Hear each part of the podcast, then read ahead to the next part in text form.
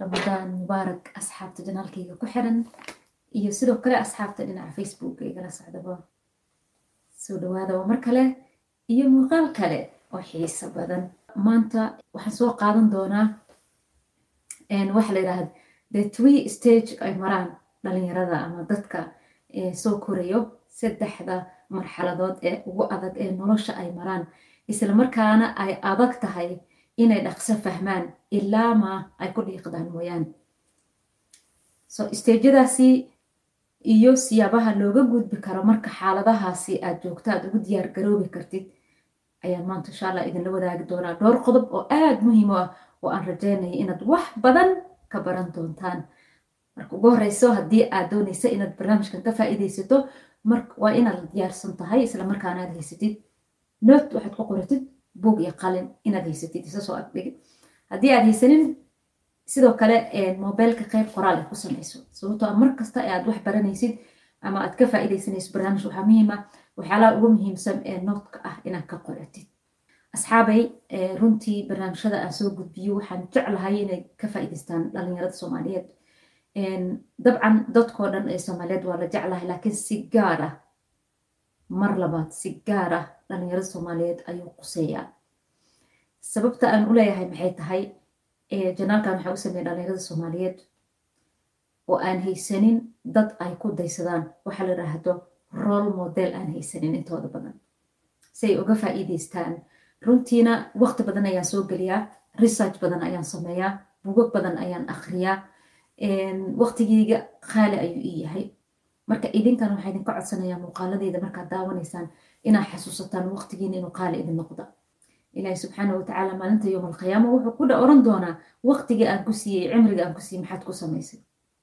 Maxaad ku dhamaysay ee aad ku samaysay? So isla xisaabtan baa imaan doona.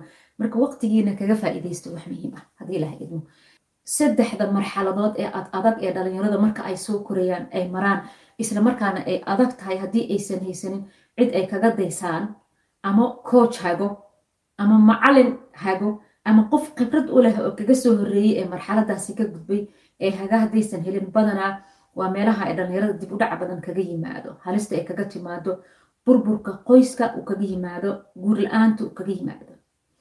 Haddii aad aragtaan maanta gabdho badan ee carruur heesto ama garoobo ah ama da-yar ee guurka diiday haddaa aragtaan waxa sababaya ugu badan waxa weeyaan mushkuladihii ay nolosha kala soo kulmeen oo ahayd nolol adag islamarkaana aysan dib u eegi karin mar kale inay guursadaan ama inay mar kale ay ku noqdaan ama ay sameeyaan waxyaalahay ka soo gudbeen. Dadka marka nasiibka u yeeshta barnaamijkan daawada iyagoo da-yar ah ama dhalinyaro ah waxaan rajeynayaa inay nuuts fiican ka qaataan oo ay iska eegaan meelahaasoo kale marka ay noqoto siday uga gudbaan xaaladahaasoo kale marxaladaha adag ah. Qodobka koowaad waxaa la yiraahdaa waxbarashada qofka dhalinyarada ah marka uu soo barbaaro ama uu soo kaco waxa ugu horeysa uu bilaabo waxa weyaan inuu waxbarasho galo. Ama dugsiga qur'aan ha ahaado ama dugsigii iskooladii caadiga ha ahaato ama maxay ahayd madarasooyinka ha ahaadaan waxa ugu horreeya ilmaha la geeyo waxa wax barto. Okay waxbarashada marka waxaa loo kala qaada labo. Mid adiga aadan waxba ogeyn waalidka ay ku geeyeen ay ku doorteen. Iyo mid aad adiga marka akli aad leedahay ee aad dooran kartid. Marka aad yar tahay waalidka ay ku doortaan inay dugsiga ku geeyaan ama iskuulka ku geeyaan ama privatekaas ku geeyaan adiga markaa go'aan maleed waalidkaas kale laakiin marka adiga aad soo aqliyeysatid ee aad wax kala garatid waxaa muhiima inaad adiga markaa waxbarashadaada gacanta ku qabatid. Maxaa yeele mustaqbalka adiga ayaa iskale waxaad baranaysa adaa isticmaali doontid hooyadaa ma isticmaalayso aabbahana ma isticmaalayo kharaabadana ma isticmaali doonaan hadday kuu sacabo garaacaan hadday ku caayaan hadday ku diidaan iyaga shaqo kuma laha. Waxbarashadaada mustaqbalkaada adiga ayaa iska leh haddii ilaah nafta kuu daysto qofna kulama wadaagi karo talo waxaan ka ahayn. Okay? Waxbarashada number one. Qodobka aan ka hadli doona ayay ka mid tahay. Dhalinyarada iyo xirfadaha. Okay? Markaad weynaad xirfada ayaad baran doontaa sooma xirfadaha aad dooran lahayd. Waxbarashadii hoose haddii aad ka soo gudatay ee aadan helin qof ku dhaaragta garay ama ku hagaagdaan helin lambarka labaad dhisidda nolosha mid adduun iyo mid aakhiraba ilmaha marka uu soo barbaarayo wuxuu u baahan yahay riyooyin badan ayaa ka guuxaya qofka dhalinyarada ah. Hadafyo fara badan ayuu leeyahay. Himilo fara badan ayuu leeyahay. Wax buu doonayaa inuu sameeyo. Ilahi subxaana watacaala ayaana ku abuuray hamigaasi maxaa sababtoo adduunka waxaa lagu keenay tacab iyo taran. Tacabka oo ah tacab aakhiri tacab adduun taranka oo ah inaad guursatid oo carruur dhashid oo reer yeelatid oo hami yeelatid wax adduunka lagu keenay. Qodobka saddexaad ee marxaladaha ay maraan dhalinyarada marka ay haddii aysan helin cid talo siiso ay markaa halka ay ku baaba'aan ama ku bariiqdaan ama ku hakadaan ama ku kufaan waxaa la yidhahda guurka. Xaaladaha guurka marka la gaaro. Okay wiilka waxaa laga yaabaa iskool baa la geeyey ama dugsiyaa la geeyey qur'aankii soo bartay iskool baa la geeyey waxbuu soo bartay hooyadii aabiha u doorteen jaamacaddu aadi lahaa waryaa dhakhtar baad noqonaysaa waryaa injineer baad noqonaysaa iyagii baad doonaya ilaad mogtahay adigu laakiin waxaa laga yaabaa inaanad jecleen. Iyaga kuu doorteen. Hadhow markaad wixii soo dhammaysay waad niyad jaban tahay maku qanacsanid waxaad qaadatay. Maxaa yeele dooqa iyo doorashada adiga ma lahayn. Then markaad damacday inaad guursatid ee guurka la imaaday waad niyad jaban tahay.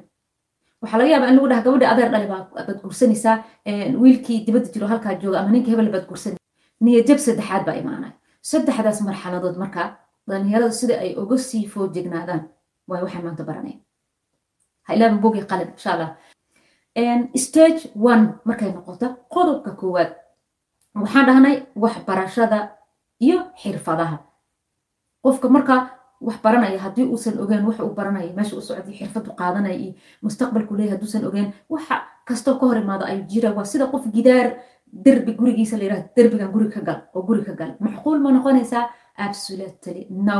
sababtoo qofka waa inuu helaa albaab uu ka geli kara gurigaas qodobka koowaad ee marka ah qaybta waxbarashada ama xirfadaha maxaa laga rabaa xulo xirfad aad jeceshahay okay marka aad wax baranaysid ee iskool aad aadaysid ama aad xirfad qaadanaysid ama aad doonaysid inaad wax baratid u sheeg hooyii aaba aniga waxaan rabaa waxa aan jeclahay inaan barto haddaad idinka injineer ii dooraysaan anugu injineer ma jecle okay baro waxa aad jeceshahay. Marka aad yareed aad ahayd dugsiga hoose maxaa jecleed ma inaad wax sawirtaad jecleed ma inaad wax qortaad jecleed ma inaad wax akrisaad jecleed ma inaad derbi dhist wax dhistaad jecleed ma inaad dabaq fuusho oo aad noqoto qof buuraha fuulaad jecleed ma waxaad jecleed qof inuu luuqadaha barto oo dadka dhegeysto luuqadaha raadiya ayaad jecleed ma waxaad jecleed qof dadka dhaqamadooda kala duwan inuu barto. Raadi waxaad jeceshahay dooro dugsiga sare intaadan gelin wax adiga aad jeceshahay. Fakalti aad jeceshahay. Xirfad aad jeceshahay. Dooro adiga ayaa iskala dooqa. Because mustaqbalka adiga waay. Hooyana ma aha eedana ma aha. Adeerna ma aha. Waxaa laga yaabaa inaad ogaan karin haddii soomaaliya aad joogto cid macalin intuu ku soo horfariisto ama kooj ku soo horfariisto ku dhahay maxaad jeceshahay okay? Inaad helin baa laga yaabaa.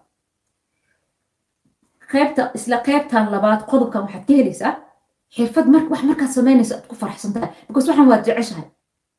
Then samaynteed waad ku fiican tahay waad ku faraxsan tahay. Tusaalo kale haddii maanta lagu keeno gaari lagu keeno oo aad jeceshahay gaariga inaad furfurtid waad isku dayeysaa si kastaba haddii aad furfuri karin bilahi aad qaadaysaa kii kale waad tijaabinaysaa macnaha waxaad jeceshahay.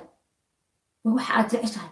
Isla markaana aad ku fiican tahay inaad samaysid haddii aadna wax qorto aad jeceshahay isku day inaad mar walba arkaysa adaa wax qorayso waxa marka aad jeceshahay aad ku fiican tahay iyaga ayaa nafta ayaa iska raadsanaysa waad jeclaanaysaa gacantaada ayaa raadsanaysa ficil ahaan ayaad u raadsanaysaa so xirfadda aad doonayso ha noqoto mid aad jeceshahay isla markaana aad ku fiican tahay.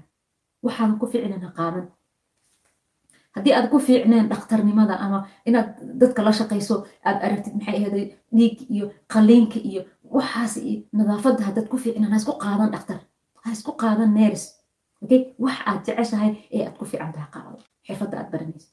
Saddex xirfadda aad baranayso ha noqoto mid wacyiga maanta lagu shaqayn karo. Waxaan dhahay maanta waxaa lagu jiraa xilli technology. Shaqooyin fara badan ayaa waxaa qaadan doona artificial intelligence. Oo lagu bedeli doonaa waxaa la yidhahda human replacement.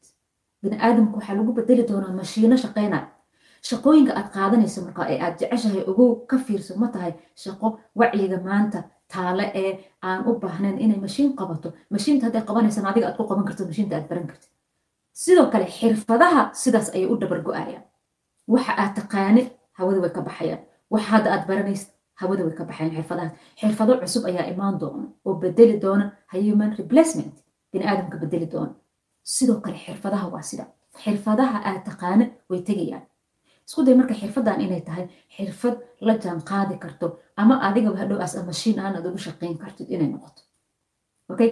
Ha ilaabin sidoo kale inaad adiga baratid wacyiga maanta jira xirfadaha ee teknolojiyadda inaad baratid. Xirfadaha badi. Okay? Hadhow ha ka shalayna ha dhihin anu maxaan hal xirfad isugu sii daayay? Ha dhihin. Xirfado badan baro luuqadaha baro dhaqamada kala duwan baro. Because soomaaliya waxaa imaan doona waddamada caalamka dhan dad ku hadlaya luuqadooda oo soomaali ah. Caruurteeda waxay ku imaan doonaan iyagoo norweji af norweji ku hadlaya. Caruur sweden aa imaan doonta sweden sweden ku hadlaya norweji oo soomaali ha kuwa swahili ahaa imaanaya oo soomaali af swahili ku hadlaya. Kuwa waxaa imaanaya jines ah af jines ku hadlaya soomaali ah. Dadkaasi waxay sugumaan doonaan waxay leeyihiin soomaaliya wadan la ah okay? Adiga marka haddii aad soomaaliya joogto ama aad rajaynaysa inaad soomaaliya tagtid baro maanta luuqado badan. Xirfadaha aad baranayso luuqado ku darso. Yusi dadkaasi hadhow fursado badan ay kaa qaadan doonaan shaqo markay noqoto. Adigana maanta baro carabigii baro. Kuwa carabi markay imaada carabi kula hadal.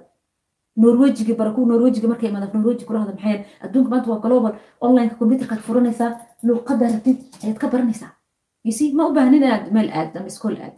So marka xirfadahaada badso kana dhigo xirfado technology ah stagekaasi waa stageka koowaad ee ah in xirfadaha iyo bayska hore ee waxa aan baranayno aan saxno. Aan ka dhigano xirfadaan jecelnahay aan ka dhigano xirfadaan ku fiicannahay aan ka dhigano xirfad wacjigeeda jiro aan ka dhigano xirfadaha inaan badsano okay taasi waa waxbarashada stageka koowaad. Markaa taa soo saxadid maxaa imaanayo? Inaad isnaatid oo aad noqotid qof leh xidido ugu taagan yahay le inaad noqotid ayaad noqonaysaa xidido ayaad yeelanaysaa geedka ma istaaga ilamaa xidido u yeeshto. So marka beeska aad iska soo dhistid xidido ayaad yeelanaysaa stage two aad imaanaysaa marka.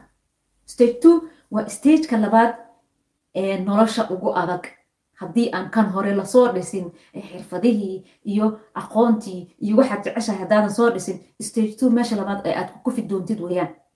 Stage two waxaa la yidhaahdaa nolosha sida shaqada ayaa ka mid ah ganacsiga ayaa ka mid ah dadla dhaqanka ayaa ka mid ah noloshii ayaad gudagelaysaa markaan waxaad noqotay qof wax soo bartay xirfad ayaad soo baratay noloshii ayaad wajahaysaa.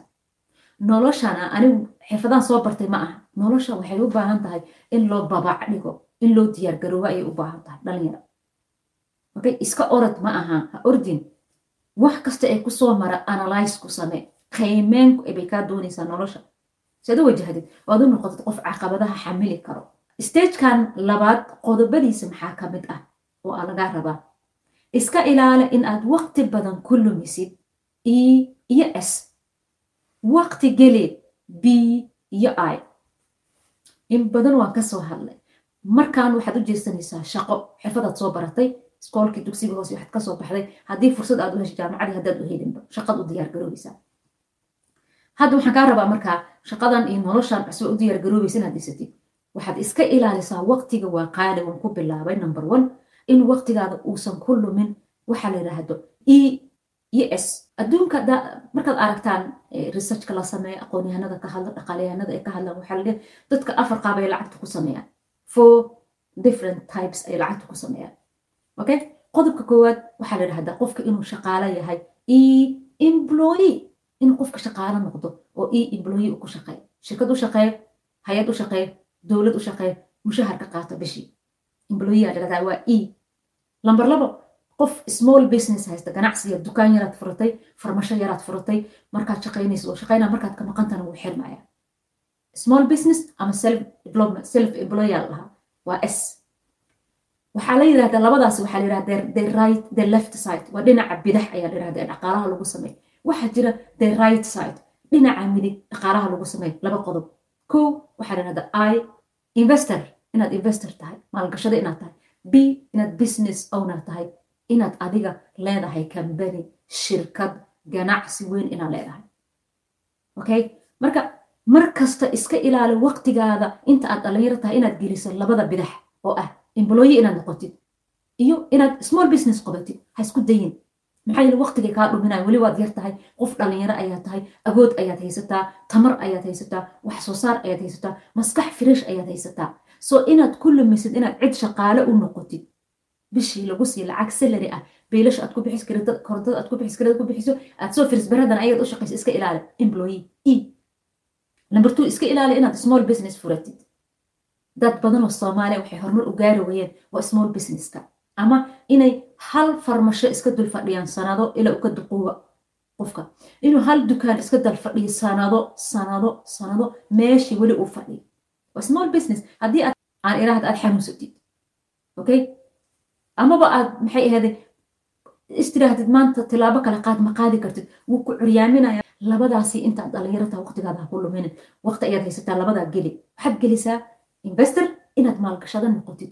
Ama inaad maskaxda ka shaqaysid ee adiga fikrad bulshada aad u keentido business. adiga aleeda aad abuurtid oo ah large business. ganacsi weyn oo ay dad adiga kuu shaqeeyaan fahmaysa macnaha ma aha maanta inaad helaysid because maanta waad yar tahay maanta qof dhalinyara tahay maanta lacag ma haysatid laakiin ka shaqee because waxa maanta aad waqti gelisa ayaad beri noqonaysaa waxa maanta aad tahana shalay ayaad ka soo shaqayso okay marka dhalinyaro soomali waxaan kula talnaa waqtigiina inta dhaqaale ku raadisan isku daya investor ama business owner weliba investorka fiican. Business owner waxaad noqon kartaa markaad investor ka gudubtid stageka labaad aad tegi kartaa.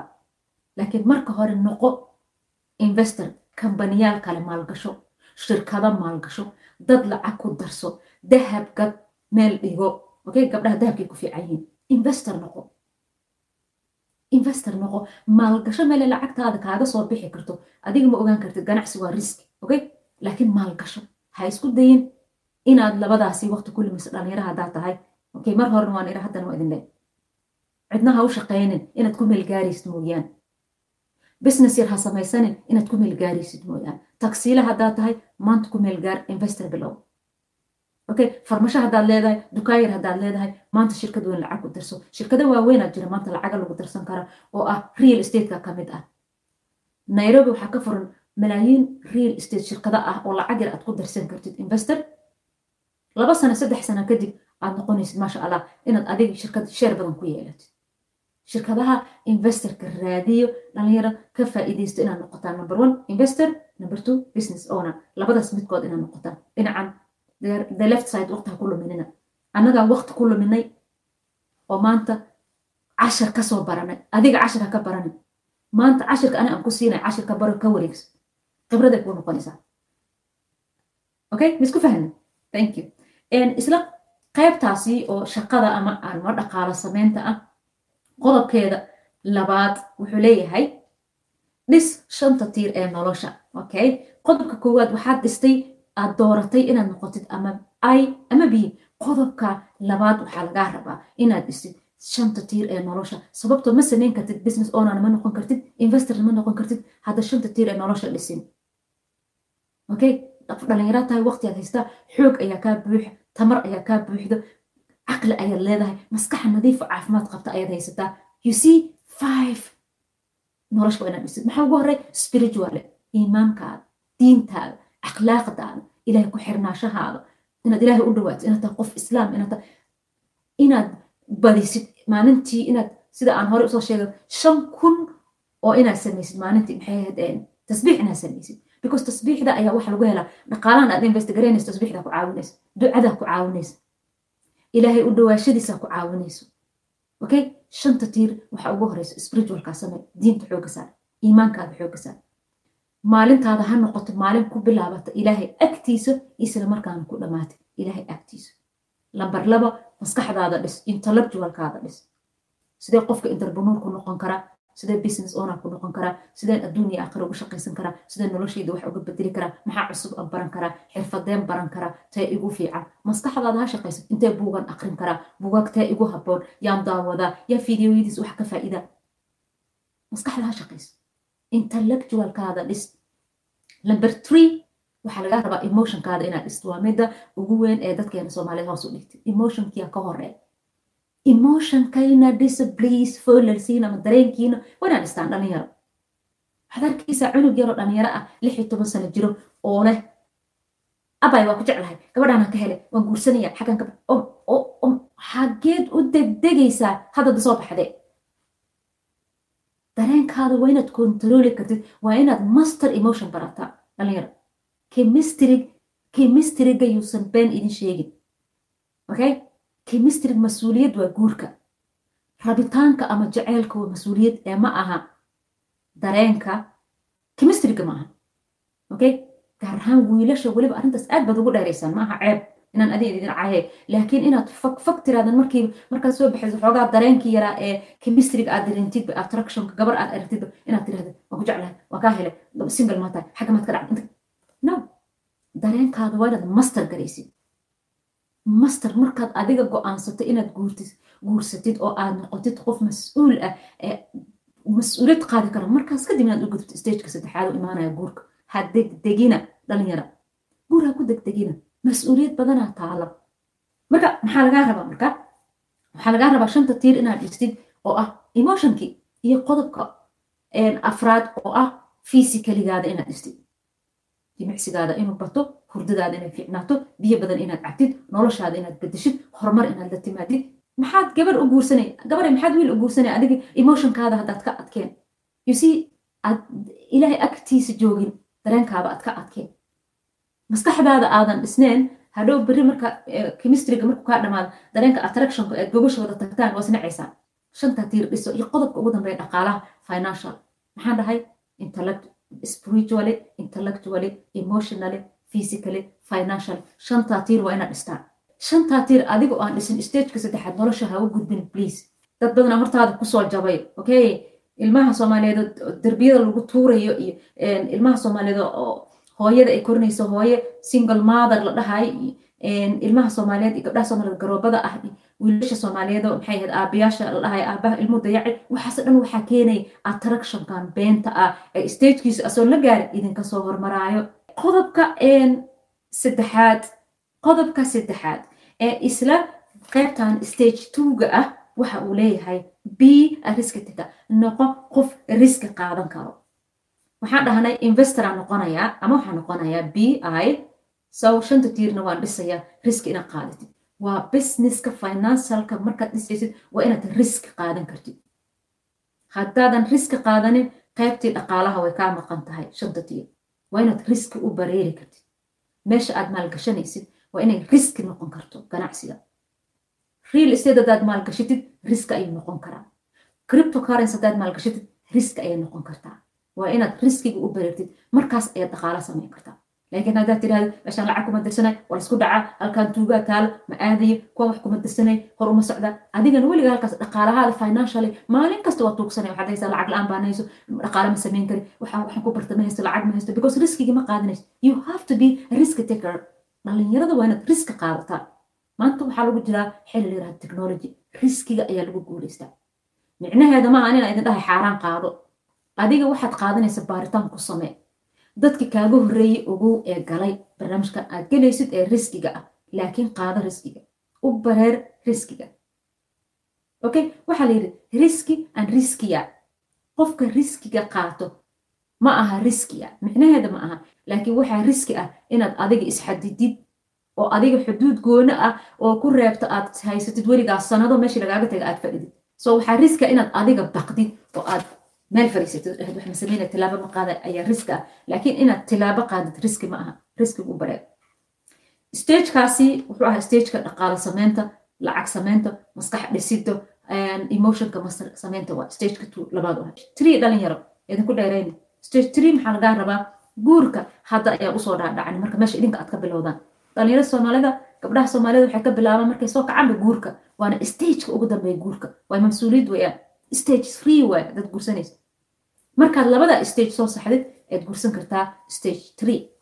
Haddii ay hooyooyinka iyo aabayaasha iyo waalidiinta ku dhaheen wiilka markuu soo baxo inuu guursado gabadha markay soo baxda waa in la asturo hadda ma jiraan waxaas adduunka waa in lala jaan qaadaa marxalad kastoo lala socdaa dhinaca wanaagsana loo isticmaalaa dildhijir gabadha waa la astura markay soo weynaato. Hadda sidaa ma aha nolosha. Way isbedeshay okay? Maaha gabdhihii laga bixin jira geela. Okay? Ma jira hadda waqtiga lagu jiro waqti technology. Nolosha waa in waqtiga ay taha lala jaan qaada dhinaca wanaagsana loola jaan qaada maaha inaan waxun qaadanayno? Waxa wanaagsan waa inaan ka qaadanaa laakiin waa inaan wacyiga inkirin. Mar kastoo wacyiga aad inkirtid mar kastoo adiga aad jabtid ama dhabar jabtid ayay noqonaysaa. Ha inkirin wacyiga aqbal wacyiga den dhinaca wanaagsan u qaado. Adiga waad ka guulaysanaysaa maku dhabar jabaysa laakiin markaad inkirtid waa marka dhabarka kaa jabay soomaalideen maanta dhalinyarada soomaali dhabarka waxaa ka jabay waa inaan wacyiga inkirno dhahna dhaqan uma lihiin waxaas dhaqan uma lihiin naga daay. Waxaas ceeb weeyaana naga daay. Absolutely no. Dhalinyarada soomaaliyeed marxalad kastoo jirto waa inaad la jaan qaadi kartiin. Weliba adigoo dhinaca wanaagsan u adeegsan adigoo diintaada haysto akhlaaqdaada haysto ayaad adeegsan kartaa. Wacyiganaad la jaan qaadi kartaa. Maxaa yeele wax kastoo soo baxa waxay leeyihiin dhinaca wanaagsan iyo dhinac xun. Adiga markasta positive ayaad abaaraysaa dhinaca wanaagsan ayaad abaaraysaa qodobka ugu horreeya marka guurka qodobka ugu horreeya adiga isguurso inta aadan qof guursan. Adiga isguurso inta aad qof guursan.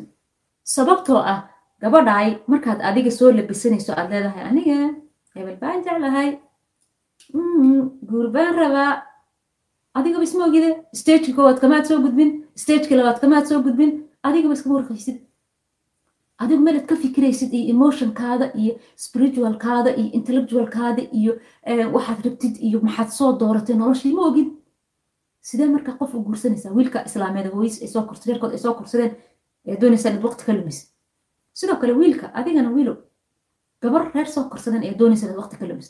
Maxaa yeele adigaba ma diyaarsanay stage one ayaad ka soo gudubta stage two ayaad ka soo carartay waxaad doonaysaa stage three inaad adigoo duulaya soo gashid impossible ha ku degdegin guurka. Marka hore adi isguursa waxaan ka wadaa adig isbaro naftaada baro. Naftaada ka soo qaad. Wiil haddaad tahay gabar aad adiga guursatay naftaada ka soo qaad. Saad ula dhaqantid. Isweydii gabar aad guursatay saad ula dhaqmineed. Naftaada saad ula dhaqantid. Eeg. Waxaa tahay qof subaxii aroortii waqti hore tooso. Wax akristo maskaxdiisa kobciyo. Tahay qof emotionkiisa kobciyo. Master emotion ah tahay qof ilaahay ku xiran. Ee maantao dhan ilaahay ag jooga istiqaarta badiyo qur'aanka badiyo xiriirka ilaahay wanaajiyo wanaagsan wixii xun iska ilaaliy baa tahay. Ma waxaa tahay qof fisikalkiisa kobciyo isaga iso jiim sameeyo ee cunto fiican cuno waqti hore seexdo xilli uu toosa leh jadwal leh. Ma waxaa tahay qof dhaqaalihiisa ka fikiro meel uu maalgashada ka fikiro meel uu lacag ku dirsada ka fikiro mustaqbal fiican ka fikiro waxaa tahay qof aakaradiisa ka fikiro ilaahay baryo guurkii gabadha guursan lahaa ilaahay u baryo asaga ilaahay baryo. Markaas naftaadaad guursatay yusi marka naftaada guursatid oo is ogaatid? Markaasaad gabar guursan kartaa gabare sidoo kale adigana markaad adiga naftaada sidaa isu guursatid ayaad wiil guursan kartaa laakiin inta ka horeysa waxaad haysid waa balaa beebeen kemistriga ku hayno. Kemistriga ku hay. Markaad gobashid la tagtaan waa kala xiisaysaan waa kala tegaysaan so marka hore maalin kasta wiilala isoo waca waxay leeyihiin anagu waxaan doonaynaa gabar diin leh waxaan rabnaa gabar akhlaaq leh guur la'aanan nagu dhacday gabar akhlaaq leh diin leh adiga maad samaysanin. Laakiin adiga naftaada samayso ilaahay ka sugo. Adiga is abuur. Adiga naftaada soo saar waa maalintii ku guursan lahayd iyadaa ku soo raadsanid. Because qof fiican cidna ma dhinac marto. Qofka maskaxdiisa dhiso shanta stage ka soo shaqeey spiritualkii intellectualkii emotionkii physicalgii financial ka soo shaqeey gabar kasta way soo raadsanay. Sidoo kale gabadha intaa ka soo shaqeyso wiil kasta way soo raadsanaya kan dariska ah kan ku yaqaano ha wada shaqaysaan kan social media kaa yaqaano mid kasta asaa ku soo raadsan doona maxaa yeele adaa is dhistay adaa is guursatay. See adaa is jeclaatay. Markaas waa guursan kartaa. Maxaa yeele mas'uuliyadaad qaadi kartaa. Maxaa yeele waxaad tahay qof u diyaarsan nolosha.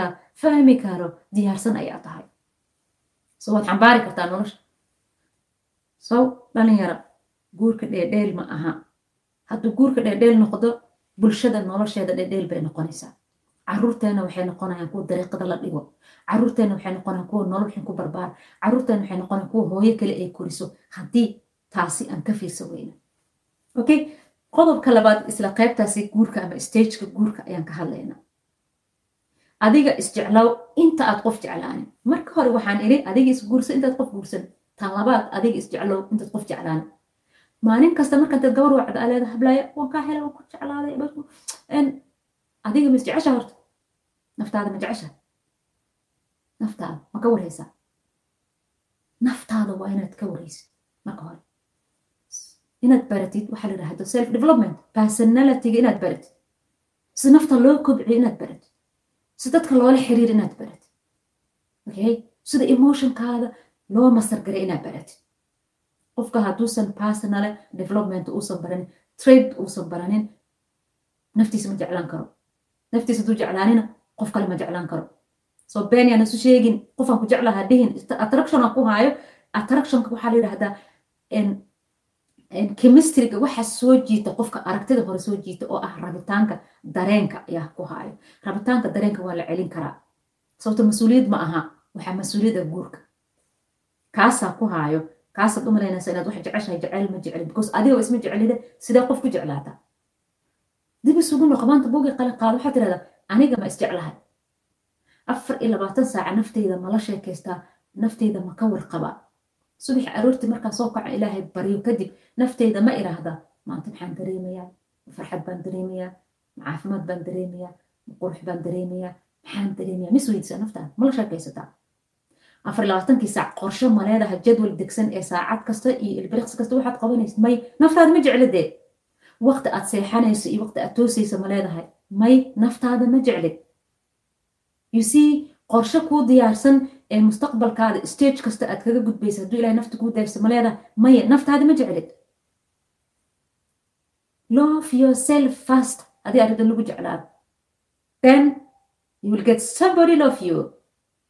Qof ku jeclaadaad helaysaa markaad naftaada jeclaad gabdhaha weliba gaar ahaan gabdhaha naftiina jeclaada ha ku mashquulina kareem iyo make up ha u marsanina wiil kale adiga naftaada jeclow gudahaada jeclow. Isdhis adiga? Waqti aad gurida samayso waqti aad toosto samayso waqti aad cunto wax cunto samayso waqti aad nasata samayso waqti aad wax aqris samayso waqti aad naftaada la hadish samayso waqti aad ilaahay la hadish samayso waqtigaad ha ku kala qorshaysnaada love yourself waa lagu jeclaan marka qodobka saddexaad isla qaybtan guurka aan ku soo qaadanayna waxaa la shuruudahaada ha koobnaadaan hana caddaadaan markaad guurdoon tahay okay if you are guurdoon shuruudahaada ha koobnaadaan afar yaysan badanin sidoo kale afartaba ha qeexnaadaan ha caddaadaan sida ha u qornaadaan ano step one waxaan rabaa waxaas step two waxaan rabaa waxaas step three waxaan rabaa waxaas. Ninka kuu imaanaya guurdoonka weydii nolosha muxuu ka leeyahay? Maxaa u qorshaysan? Imisa qodob ayuu wataa? Shuruudo ah. Imisu doonaya inaad la qaadatid sidoo kale gabadha weydii wiilka guursanayo maxaa kuu qorsho ah nolosha? Imisa shuruudaa wadataa? Shanta tiir ee nolosha ma soo baratay self developmentig ma ku fiicantaa may isii dhaafra saaxiibe. Hadhowaad idhahaysaa hooyadaa maxaad u aadi iyo tee la hadlaysa iyo maxaa banaanka la taagneed iyo gabadha maxaa u wacdi iyo hadhow ku dhahay sababto iyadoo ma dhisne iyadoo isma jecleed adii shaki kaa qabtaa mogta maku rabto? Attractionka bisay kugu jecleed laakiin beri hooyada kugu qabsanaysa ku dhahay hooyada maxaad u aadi ama hooyada maxaad iigu keentay. Okay laakiin gabadha markay diyaarsan tahay ee ay haysato mashruuc cad haddii nafta ilaahay u daasto ay haysato hadhow hooyada markay umaataa ilmo soo kordhaana mashruuc cad oo dheeray soo kordhinaysa oo faa'iida leh. Sidoo kale wiilka waa inaad qodobo cad cad oo shuruudo la timaadi isla markaana ay kooban yihiin laba saddex afar. Afarta shuruudaan rabaa inaan adig kaaga baahanahay. Nothing else kaagama baahan afarta shuruud ma leedahay maya. Nakala kaxeeyo walaa macsalaama nabadeed. Afar saddexda stage ee maanta aan ku soo qaatay. Saddexda stage. Ee qof kasta oo dhalinyaro inuu u diyaar garoobo loo baahan yahay waa muhiim. Stageka koowaad waxbarashadaada iyo xirfadahaada inaad saxdid. Number one stageka labaad inaad dhisid noloshaada aakhire iyo adduunba adigoo baranaya shanta tiir ee nolosha. Okay ganacsigaa soo hosgelaya barnaamijyada inaa soo hosgelaya inaad saxdid markaad stageka labaad ka gudubta stageka saddexaad waxaad u gudbaysaa guurka. Laakiin adoo stageka koowaad jooga ha u cararin guurka. Dad badanaa ku soo jabay dad badanaa maanta ilmihii ay hooye ama aaba la'aan yihiin ama hooye la'aan yihiin ama hooye kale korisaa. Maanta ilma soomaalida dadka soomaalida waddan kasta ay joogaan waxaa la dhahaa ilmaha korinaysaa lahaa single maadaa loo yaqaanaa single maadaad maxaa keenay? Because qofkan single maadaaga noqday waa walaasha waa adigoo kale. Dariiqa maanta adaa taagantay taagnayd shala markay guursanaysa. Laakiin attractionkii la gashay noloshii qalaas nolosh waa lagu kala tegay. Ilmihii la soo fariist ilaa hooyada uga calol jiracsan ilmihaynas aabigu ka tegay. Maanta maxkamadaha haddaad tagtid magaala waddankan anaga deganaa maxkamada maalin kasta maxkamadaha waxaa isku haysta wiilal iyo gabdho carruur isu dhalay. Maxkamada isla saarayihiin kii ugu ronga waa ka maxkamadda la koraya kan kale wuu ka tegaya wuxuu leeyahay naabala kugu dhacday la dhac meesha la aadayso qurbaha naagaha joogaan oo dhan hooyo keligood oo single mother lahaa. Kuwa waddanka joogana way ka badan yihiin. Waxa keenaya waxaa stage one iyadoo la jooga ayaa stage three la aadaya si nolosha loo dhiso mana dhismaysa nolosha because stage three aad joogtaa. Dad badan oo aabiyaashiina way idinku waaniya inaad guursa haka yeelina. Nolosha way isbedeshay qarniga lagu jiro iyo qarnigii iyaga ay joogeen aabiyaashii awoyaashii ma ahan qarnigan adigaa jooga noloshaada ma dhisan kartaa aad iyo aad umahadsantihiin waa dareemayaa bisha ramadaan ayaa lagu jiraa dadka waa la daalan yahay. Insha waxaan rajeynaya inaad wanaagsanaataan ramadaankana ilaahay ha inooga dhigo mid kheyr qabo barakaysan iyo kuwii ka faa'iidaysta anagana ajar iyo axsanaad aan la soo koobi kara ilah kasi ilaah hanaga dhigo. Aad aad umahadsantihiin waxaan rajeynayaa hal qodob inuu kaa anfacay cashirkan hal qodob hadduu kaa anfacay ku dhaqan noloshaadana wax ooga bedel